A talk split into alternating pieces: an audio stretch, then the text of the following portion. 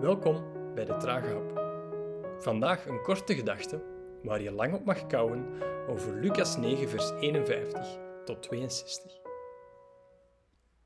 Dit gedeelte doet me telkens opnieuw de wenkbrauwen fronsen.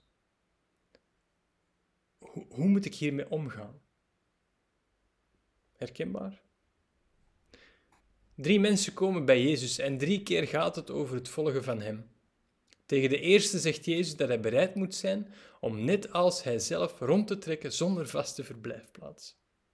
De volgende krijgt te horen dat hij de begrafenis van zijn vader maar moet laten voor wat het is en Jezus onmiddellijk moet volgen. En de derde moet niet eerst terugkeren om afscheid te nemen van zijn familie. Nou ja, het lijkt zo afwijzend, zo ontmoedigend. Voor die drie mensen, maar ook voor ons, de lat lijkt zo hoog gelegd te worden dat niemand eraan kan.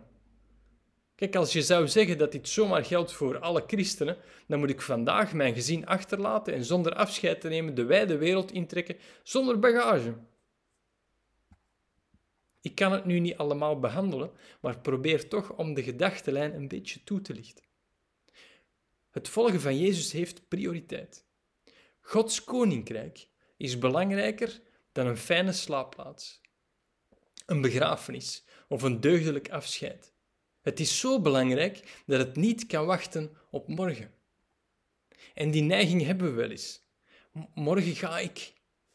Nog even dit en dan. We draaien ons een rad voor ogen en we beslissen niet echt. En wat Jezus zegt is vandaag. Wees vandaag een volgeling. Valt het je op dat de reactie van deze mensen niet uitgelegd wordt? We weten niet of ze daadwerkelijk Jezus gevolgd zijn. Het is een open einde.